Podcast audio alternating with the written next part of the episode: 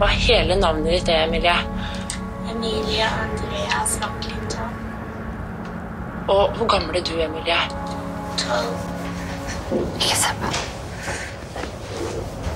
Men det er en ting jeg ikke klarer å få ut av hodet. Hva, hva mener du med det, Emilie? Velkommen til Filmsamtalen, Rushprints podkast om film i alle nyanser. Jeg sitter her sammen med Tone Grøtjord Glenne og Anita Rehoff Larsen, to sentrale ildsjeler i norsk dokumentarfilm som er aktuelle med en rekke spennende produksjoner. Blant annet et samarbeid med Netflix og en kinoklar dokumentar. Men det skal vi komme inn på etter hvert, men først velkommen Tone og Anita. Takk, takk. Det er veldig hyggelig å bli invitert. Ja, Hyggelig å ha dere her. Nylig traff jeg dere på Berlinalen, der dere deltok i det offisielle programmet med filmen Gunda, som ble en av festivalens mest omtalte ja, dokumentarer, i hvert fall. Eh, og Det skyldes bl.a. at en ikke ukjent skuespiller ved navn Joaquin Phoenix la sin elsk på filmen, og ble med som koprodusent. Eh, jeg tenkte vi kunne starte der. Altså, Hvordan oppsto den forbindelsen? Det er jeg nysgjerrig på. Ja. Jeg kan jo si litt eh, om det, og jeg har jo jobbet veldig tett med et amerikansk eh, selskap som koprodusent. Um, og det er på en måte via det nettverket og også på en måte uh, pressearbeidet vårt, som er også veldig godt forankret i det amerikanske miljøet, at disse kontaktene kom fram. Da. Men først og fremst så var det jo det at vi ønsket oss noen som kunne være med å løfte prosjektet videre ut. Spesielt da når du har en film som er Uh, uten dialog, uten musikk og ingen på en måte kjente personligheter, så var det på en måte et ønske å sammen med regissøren da, å kunne løfte prosjektet ut. Nei, dere har en gris i hovedrollen. Vi kan kanskje bare si litt om filmen uh, før vi går videre. fordi den har jo ikke hatt noe premiere her ennå, den kommer muligens til høsten. Til høsten, ja. ja men, men, kort sagt, altså, hva, hva handler den om? Hva er, står sentralt for Gunda? Altså, Filmen om Gunda er jo på en måte skal være en visuell reise og få lov å være, liksom, bli kjent med dyrene på deres egne premisser. Mm. Eh, og Målsettingen var jo da at det ikke skulle være med masse folk, eller eh, at ja, det skulle være noe annet da enn det man er vant til å se eh, fra disse filmene tidligere. Man har jo, altså Dyr er jo blitt portrettert gjennom hele filmhistorien på veldig mange områder. Mens målet her var å på en måte være der helt til stede for dem, uten å på en måte blande seg for mye inn i livene deres. da. Mm. Og det er jo ikke alltid så lett, selvfølgelig. Vi må jo filme de og, og legge til rette for at vi skal få de opp, opptakene vi skulle. Mm. Men uh, det å kunne legge til rette for at det skulle være et mest naturlig miljø for dem som vi tok del i, da. Men uh, Joaquin Phoenix for eksempel, er jo kjent for å være opptatt av dyrenes rettigheter. Mm. Og, da, og, da, lurer jeg på, altså er dette en For å bruke et veldig sånn banalt, enkelt begrep, altså er dette en rettighetsfilm? Er det, er det noe som går hjem hos uh, de som jobber, aktivistene? Er det en aktivistisk film? Mm. Eller er det en mer poetisk utforskende film? Altså Hvor skal vi plassere den? Mm. Nei, Først og fremst så er det jo en visuelt, uh, visuell reise, på en måte, og en ja. måte å se, bruke se nye perspektiver på det store lerretet. Mm. Og altså, Viktor Kosakowski er jo på en måte kjent for disse kvalitetene som filmskaper, mm. eh, først og fremst, og ikke på en måte noe aktivistforhold til det. Altså Han er en visuell regissør med et stort uh, spekter for det store lerretet, og det er det som på en måte har vært i fokus i ja. denne filmen. Men jeg vil jo kanskje si uh, også at uh, filmen Når man ser filmen, så tenker jeg at den har jo ikke disse typiske Når du sier aktivistfilm, ja. så er jo det ofte veldig sånn grafiske filmer som viser dyr og lidelse, ikke mm, sant. Mm, mm. Og det er absolutt ikke en sånn film, men det er jo en film som man opplever et eller annet eh, hvordan det stilles eh, Det oppstår sånne store spørsmål om livet. Hvordan er det man behandler dyr? Er det noe måten man ser dyr på eh, som har vært helt grunnleggende feil? Hva, hva, er det som beveger seg der av følelser og sjeleliv? Og, mm. Det stiller disse store spørsmåla.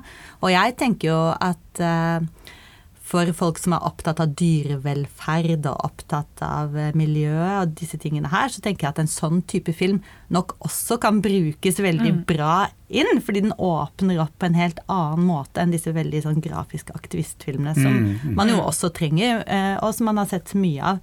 Så dette her Mm.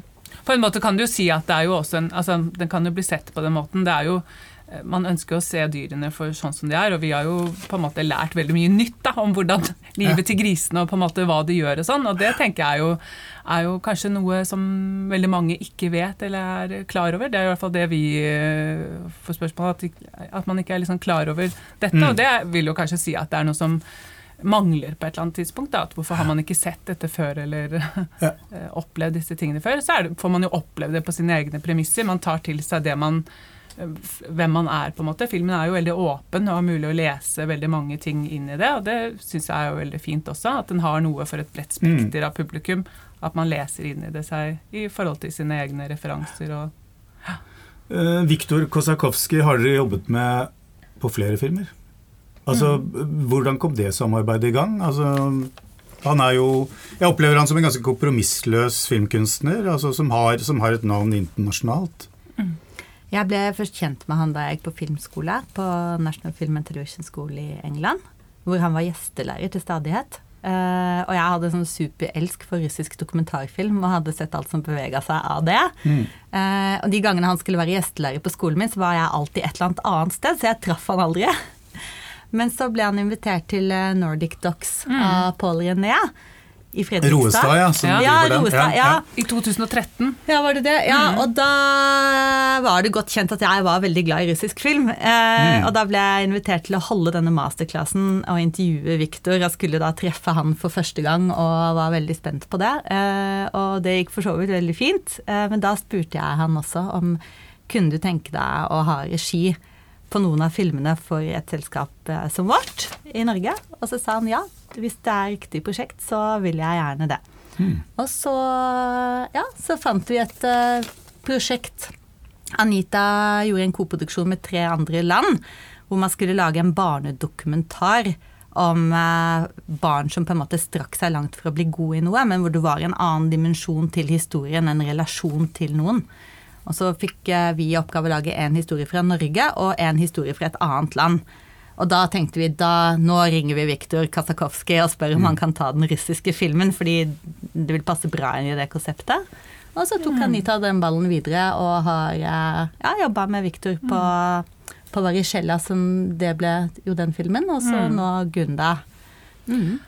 Og det var jo også litt for han eh, Samtidig omtrent som vi begynte å jobbe med det, så hadde jo også han forteller meg også at han hadde jo Han har jo to barn, ja, og sønnen hans var jo da eh, ja, 13-14 år eh, på det tidspunktet.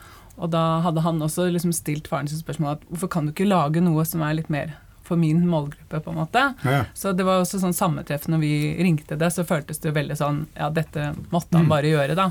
Og for oss så var det en mulighet til å også øh, lage på en måte en ny standard også for dokumentarfilm for barn og unge, som kanskje tidligere har vært på en måte sett på som litt sånn ikke sånn høy status på det, da. Um, og det var jo veldig, veldig spennende også, det som skjedde samme år som Og det vi du skulle tenker på, da er jo ikke kvaliteten på filmene, men at en personlighet som Victor velger å lage en dokumentarfilm om barn, det er, det, er Ja. det som øker på en måte Ja. posisjonen til barnefilm. Ja. Ja. Som gjorde også at de på, da, på IDFA begynte å sette opp en ny kategori, en um, ny um, pris for beste barnedokumentar.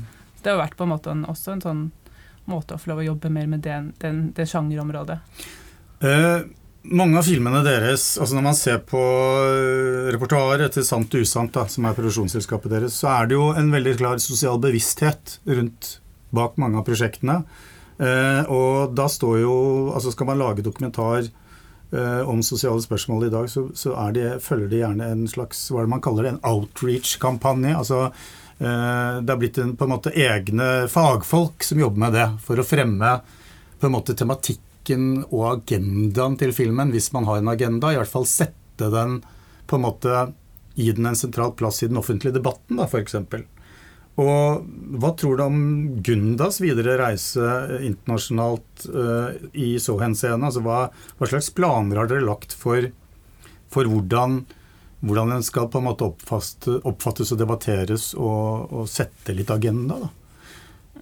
Du var, var inne på at det er, jo ikke en, det er jo ikke en aktivistfilm sånn sett, altså med den type retorikk. Det er jo en mer undrende film, men, Ja. men allikevel så, så vil den jo sikkert bli viktig for eh, Altså en viktig inngang til altså en større forståelse og empati med dyr, da. Ja, absolutt. Altså, Først og fremst så jobber vi jo nå med de nye distributørene vi har fått på plass, eh, både da i USA og resten av internasjonalt også. eh, det, og, og legge planer i forhold til det. Men det vi ser, er jo på en måte det, det visuelle aspektet som filmen tar. Det er, det er der på en måte fokuset er. Det er det vi ser at den store interessen gjelder, og, og diskusjonen ligger. Nettopp på en måte, øh, Men også på en måte det å kunne se på nye Ja, ha nye perspektiver da, på velkjente fenomener, kanskje. Men øh, å løfte det på en måte det visuelle aspektet og det kunstneriske aspektet, da. Jeg tenker jo det at eh, et selskap som Neon i Nord-Amerika, som jo akkurat har distribuert Parasitt, og at det er de nå som skal løfte filmen ut i Nord-Amerika, eh, og disse store navnene som Anita og resten av teamet har sikra i uh, veldig mange land i Europa nå, vil jo være med å løfte denne filmen ut til helt vanlige folk. Og at det at helt vanlige folk kan få komme inn i kinosalen og undre seg og stille seg selv eksistensielle spørsmål, det tenker jeg også har endring i seg selv, da.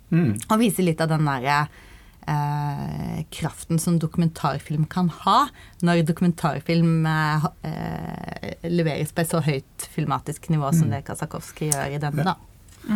Kanskje, kanskje er eh, altså, din film, nye film, Tone, eh, alt det er et kanskje enda bedre eksempel på en film som, hvor dere helt tydelig ønsker å, å sette noe, belyse noe, sette noe under, under kanskje ikke diskusjon, men altså skape en større forståelse for hvordan det er å være i en situasjon som hovedrollen i den filmen er i. Altså hun har hun, hun forteller om en, en traumatisk periode i sitt liv, altså med seksuelle overgrep i oppveksten. Eh, og der kan, har dere vel også en, en slags strategi for en outreach-kampanje. Altså, og, fordi mange av den type filmer i Norge henvender seg jo til et potensielt veldig stort publikum. Eh, altså, for å si det sånn, den Offentlig sektor i Norge er jo så enorm. Og, og der er det ofte en stor interesse for nettopp den type filmer. Ja, akkurat Det er jo litt sånn ulikt når man skal lage dokumentarfilm. ikke sant? Av og til så snubler man over en person ja, som gjør så stort inntrykk på deg at du bare har lyst til å lage en film om den personen.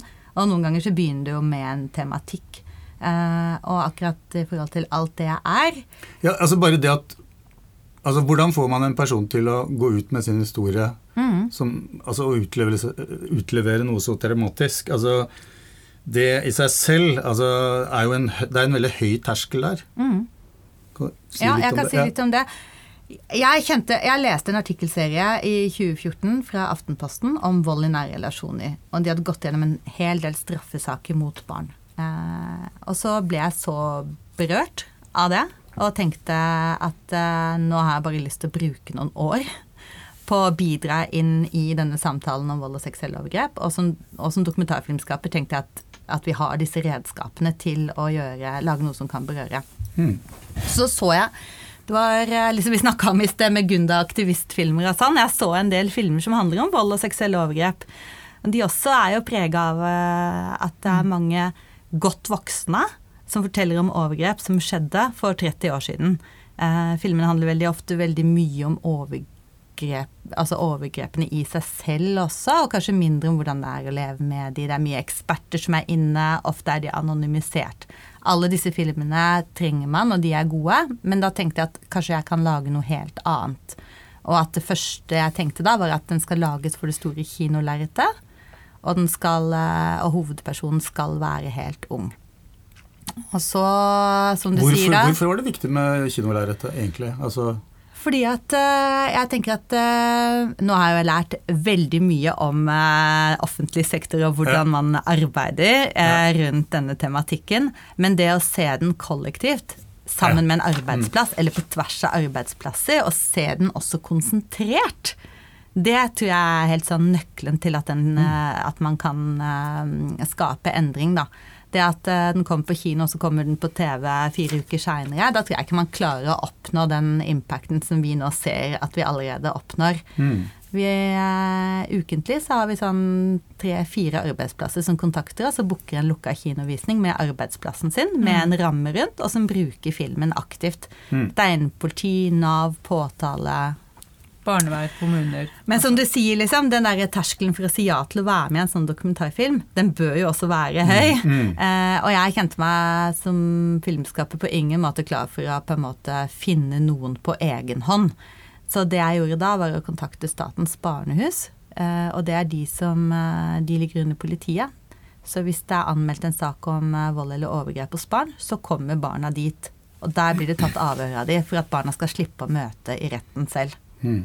Så det var sammen med de, eller de sa til meg etter en lang stund, at eh, vi hadde en jente her for noen år tilbake, og hun eh, gjorde så sterkt inntrykk på oss, så vi klarte aldri å glemme henne.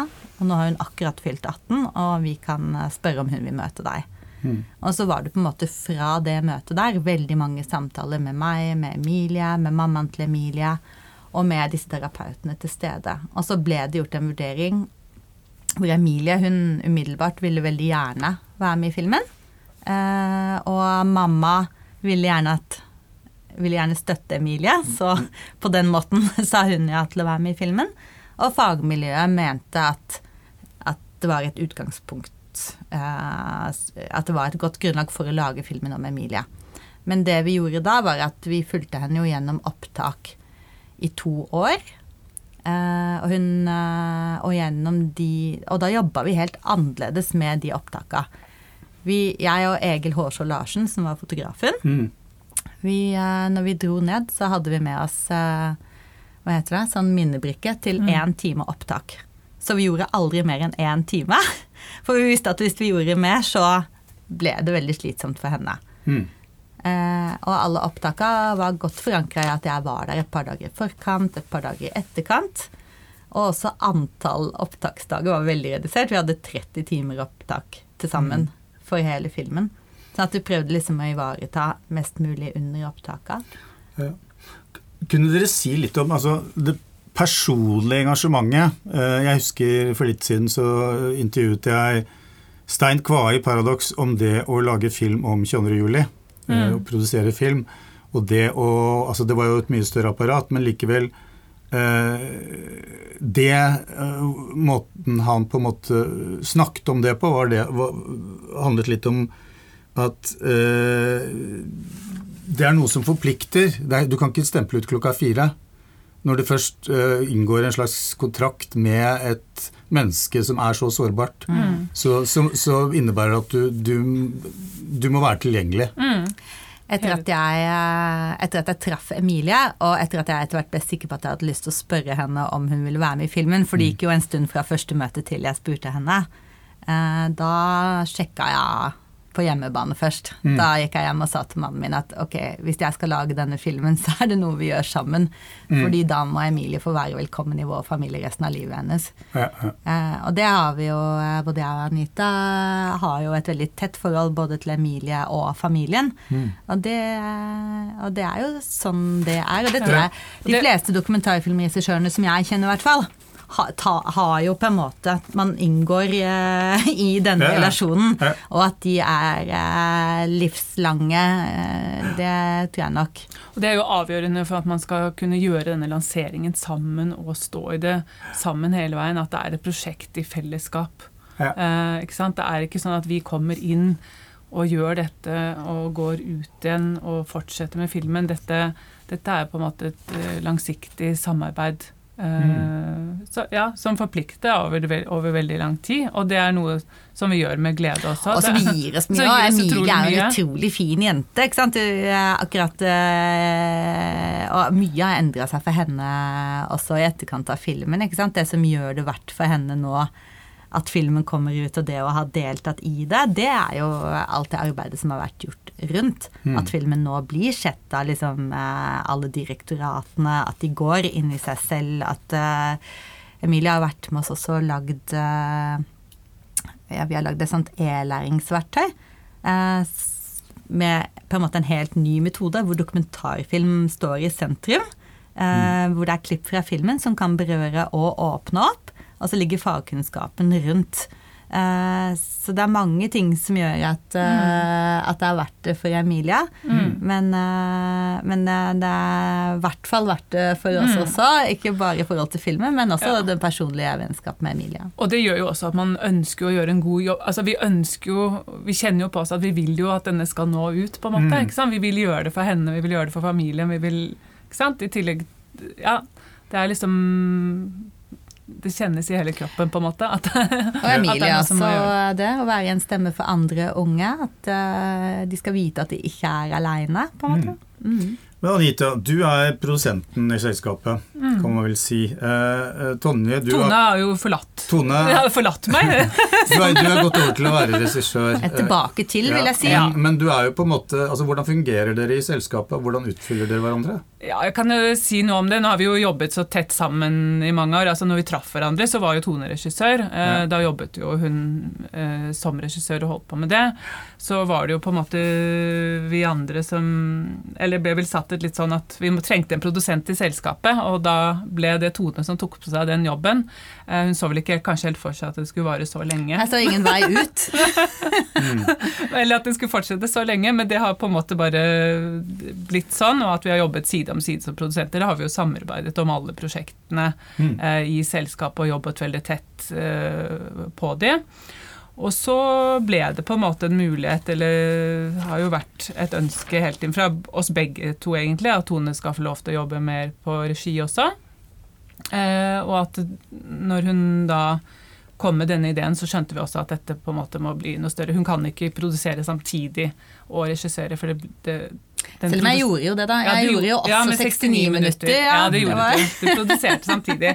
Så, men etter det så prøvde vi i hvert fall å frigjøre deg og tenke at eh, mm, Så kom vi jo, fikk vi jo da både Alt det er og Sisters on Track også, mm. og ble naturlig at Tone holdt de eh, som regissør. Mm. Selv om vi snakker jo vi, råd, altså, vi snakker jo hele tiden om produsent. Det er vanskelig å ikke liksom bruke henne litt til det også, så vi diskuterer jo det også, men prøver å frigjøre for henne fra eh, alt det andre. Vi driver jo fortsatt selskapet sammen, sånn at alle prosjekter går jo på en måte gjennom oss, sånn Mm. sett. Men jeg er veldig glad for å um, ha henne på regirollen, og det Ja.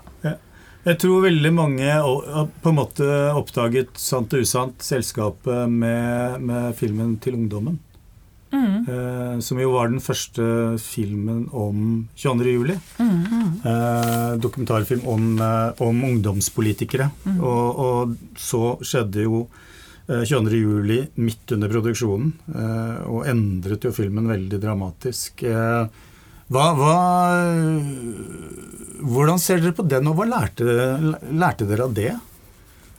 Ja, eh, dette er jo filmen til eh, Karianne Moe. Ja, Karianne, ja nettopp. Karianne Moe hadde regi. ja. Karianne Moe hadde Ja, ja. regi, og jeg produserte den filmen. Og det som eh, Jeg tenker at vi på mange måter ble litt voksne med den filmen som selskap. Eh, det er jo en film med unge mennesker. Og en, og en på en måte veldig uventa vending. Vi har jo fulgt disse fire ungdomspolitikerne som for første gang skal holde eh, skolevalg og forbereder seg til det. Eh, og så inntreffer 22. juli, og alt snus opp ned. Eh, Og det er jo noen ganske rå eh, opptak der, hvor, det, hvor de har det helt ferskt i minnet, ja. opplevelsen. Ja, ikke sant. Spesielt eh, Johanne som har vært Ja, på eh, Utøya. Og, mm. og det var jo mye Man har jo på en måte alltid lært at Det er jo så, overrasker meg mye, men dette med dokumentarfilm og etikk så er det jo veldig sånn god etikk eller dårlig etikk eller ingen etikk. Mm. Og så kjenner jeg at eh, ordet er på en måte ikke mer nyansert ofte enn det. Men jeg tenker at i hvert fall for oss som selskap så kom det nok en ny dimensjon inn i forhold til etikk. Det var veldig mange man skulle ivareta. Det var mange som hadde mista noen, og det var mm. Så jeg tenker at eh, vi nok vokste opp en del med det, ble fort voksne med det prosjektet. Eh, og at eh, jeg syns den Karianne har gjort en sånn fantastisk eh, jobb med den filmen. Jeg syns den bare står seg så utrolig Mm. bra. Eh, ja. Og det var jo også nå den også. første- Ja, vi, fortsatt der blir jo den brukt masse. Og, og um, også det at det var vår første kinolansering, at den gjorde den jo også bra på kino. Mm. Uh, at man uh, Men, men etiske problemstillinger ligger jo der under enhver produksjon, altså på rekke og rad, kan man si. Men, men eh, sakprosaforfatterne hadde jo nå denne forrige uke De lanserte sine retningslinjer. Altså, man hadde blitt enige i bransjen om å, å ha noen, eh, en liste med etiske kjøreregler for sakprosaforfatter. Men, men det virker på meg som dokumentaristene, altså norsk dokumentarfilmbransje, ikke nødvendigvis ser det som en nødvendighet å ha det. Og fordi man, fordi man uansett har det, eh, er svaret. Men, men uh, hva, hva tenker dere om det? Altså Nei, jeg eh, Jeg tenker at jeg skulle ønske at eh, det ble Jeg tror nok at de fleste dokumentarfilmskapere er bevisst på etikken og ansvar i forhold til Men uh, man kan nok oppleve også fra presse at det finnes en slags sånn holdning til at jeg er god på etikk. For jeg har håndtert et prosjekt før da jeg var god på etikk, så jeg er god på etikk. Men det er jo ikke sånn det fungerer. Etikk er jo på en måte noe helt bevegelig, som beveger seg hele veien. Og hvert Og som er, er unikt Ja. Ja. på hvert eneste prosjekt. Ja. Sånn at vi har jo vært i kontakt med, med presse som har sagt til oss ja, men vi vil gjerne ha et stort intervju med Emilie, og vi er gode på etikk, vi har gjort noe lignende før. Og så har jeg sagt ok, men eh, vi har jo en hel etisk plattform for dette prosjektet, hvor vi har opparbeida oss erfaring de siste fem åra. Ja. Så disse punktene her er vi ufravikelige på. Nei, nei, men det går bra, vi er gode på etikk, er Det høres ut som noe Trump kunne sagt. Og da blir det sånn ok, men da jævlig god på etikk. da kan vi ikke gjøre noe mer sammen. Men jeg hadde jeg har tenkt veldig mye på det gjennom det prosjektet her, og skulle gjerne sett at det var et slags sånn Kanskje stor faglig dokumentarsamling hvor man kan invitere en prest og en journalist, og man kan invitere folk fra ulike steder, og så kan man ha en filosofisk samtale rundt hva er etikk, og prøve å bryte det språket mye mer ned i, uh, i flere begreper, da. Nå føler jeg at det er god eller dårlig eller ingen, som er liksom Og så er det jo selvfølgelig at hvert nye prosjekt har jo helt nye ting, så selv om man føler at man Ja, vi klarte oss på dette, på en måte, og så tenker vi vi kan håndtere nye lignende prosjekter, så kommer det helt nye ting igjen. Jeg tenker at det er noe overføring liksom Noe som har overføringsverdi, men så må man liksom eh, senke skuldrene og puste inn og se hva er unikt i dette prosjektet. Mm. Og så prøve å kanskje tenke gjennom, eller eh, ja, jobbe med hva, hva er det som kan skje, og forhøre seg med mange ulike folk og ha på en måte et nettverk som man kan diskutere de ting, tingene med. Da føler man jo i hvert fall at man har på en måte øh, en viss kon altså kontroll da, på de tingene som kan dukke opp, og så vil man jo ikke alltid være helt forberedt. Ja, jeg tenker at man i hvert fall eh, har vi nytt veldig godt av det, da. At vi Mm. har hatt et sånt veldig tett faglig eh, team rundt oss, som har vært til stede der både for oss og for Emilie og for familien, som vi har kunnet justere oss mot hele veien. Mm. Det tror jeg har vært vesentlig. Men nå har dere åpnet et nytt kapittel i Sant og usants historie gjennom å da skulle produsere, så vidt jeg har forstått, den første norske dokumentarfilmen for Netflix Original. Så dere har blitt pendler, dere pendler til Brooklyn. Ja, Eh, altså gjennom, gjennom prosjektet Sisters on Track. Ja. Eh, som jo er eh, Ingen vet så mye om det prosjektet, men hva kan, hva kan dere si om det? Ja, jeg kan eh, si at eh, jeg fikk en telefon fra Brooklyn for eh, fire år siden. eh, hvor det var en kollega av meg, som, eller av oss, men som jeg kjente veldig godt. Helt tilfeldig, egentlig. Eh, vi reiste sammen da vi var 18. Mm. Gjennom Europa og USA. Eh, og så ringte hun meg og så sa hun sånn Du, Tone, jeg har kommet med en helt sånn fantastisk historie. Det er tre afroamerikanske jenter på 12 og 11 og 9 som bor sammen med mamma sin i et homeless shelter i Brooklyn. Som hun hadde møtt på bussen, Som stemmer det? hun hadde fått et tips av oh, ja. gjennom en venninne som jobba i en sånn lokal, lokal, lokal avis i en bydel der. Ja, ja, nettopp. Og da sa hun det som har skjedd, er at disse her som eh, ikke sant, Mammaen jobber doble skift eh, på minimum wage, og det er liksom Eh, og så er det en barnevakt som har tatt med disse tre jentene, som aldri har trent i hele livet sitt, til et sånn lokalt friidrettsstevne. Og der løper de eh, så bra at eh, coach Jean fra liksom the fastest running team over der gir de hvert sitt kort og ber de komme på en trening. Og så gjør de det, og så trener de Hun trener de da sammen med ja, sånn tjuetalls andre jenter på Gymnast Track Club, som alle er litt sånn ja, alle kommer fra litt tøffe strøk i Brooklyn. De trener sammen, og etter ett år så vinner disse tre søstrene da hver sin medalje på uh, The Nationals i USA, som er på en måte samlingen for de beste i hele landet, som kommer dit og løper. Eh, Men aner vi konturene av en, en amerikansk familien Ingebrigtsen her, eller er det Nei, overhodet ikke. Det er, det er liksom helt annerledes. Fra litt andre kår. Eh, fra derfra så Du vet, i USA så er det jo liksom Ja, de kommer seg rett inn på Whoopi Goldberg-show og Perry Taylor, Hollywood actor, eh, ønsker å sette de opp i en leilighet så de har et sted å bo og sånn. Så jeg tenker at eh, dette er liksom det som på en måte setter opp historien. Men så handler det på en måte om hvordan lever man hverdagslivet sitt videre, og coach Jean sitt eh, perspektiv. Liksom sånn hva skjer etter midnatt, på en måte, i Askepott-eventyret. Ja, ja. Ja. Det kunne jo bare fort blitt altså Man kunne jo fokusert på liksom, den eventuelle suksessen. ja.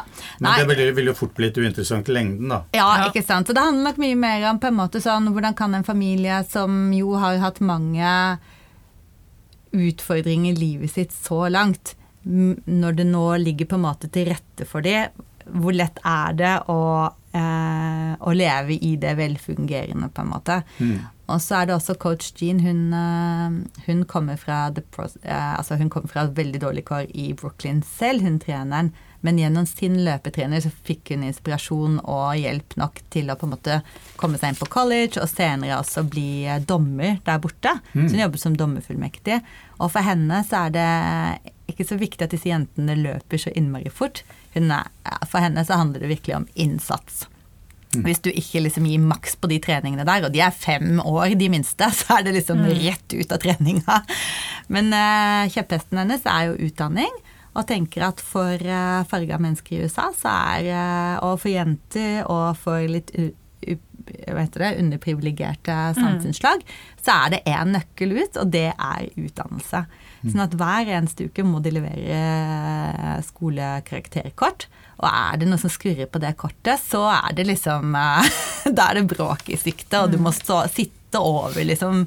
Selv om det er finaleløpet ditt, og du har kvalifisert deg hele året, så sitter du over det løpet hvis du kommer med dårlig kort eller dårlig oppførsel på skolen. Så viser det jo også litt sånn hvordan det er å være en del av en gruppe. da, Hva man sammen kan liksom gi hverandre. Det tenker jeg er veldig sånn eh, imponerende å se det også. At liksom eh, Ja, hvem er du alene kontra hvem er du i når du kommer i denne Ja, gruppa? Ja, det er veldig morsomt også, fordi at eh, jeg og Karin, da vi reiste sammen, så bodde vi Vi reiste med en sånn organisasjon og bodde i vertsfamilie og gjorde sånn samfunnstjeneste i et år i USA. Så det var sånn vi ble kjent. Du ble ikke dømt til samfunnstjeneste? Nei, nei, nei, vi ble ikke dømt til det. Men uh, det der at om man er en eh, kirkeklubb eller en sportsklubb eller en bokklubb eller hva man er, men det der at uh, sammen er det, det at man trenger noen, da. Ikke stå aleine, på en måte. Eh, det Ja. Filmskapere som jobber med Netflix, de er jo ofte redde for å si noe som helst eh, om prosjekter. Men, men, men altså det å jobbe for Netflix, altså potensialet der til å nå liksom hele verden, da, for å sette det på spissen, det jo, må jo være utrolig spennende for en dokumentarist. Absolutt, og det er jo helt fantastisk. Og jeg tenkte at når vi begynte med å jobbe med det, når vi tok på oss dette prosjektet også, så var jo på en måte utgangspunktet vårt at denne historien må ut så størst mulig, på en måte. Og da hadde vi jo på en måte allerede som selskap hadde vi jo på en måte hatt en målsetning om at vi hadde lyst til å jobbe med de store aktørene eh, i bransjen, og de store streamerne.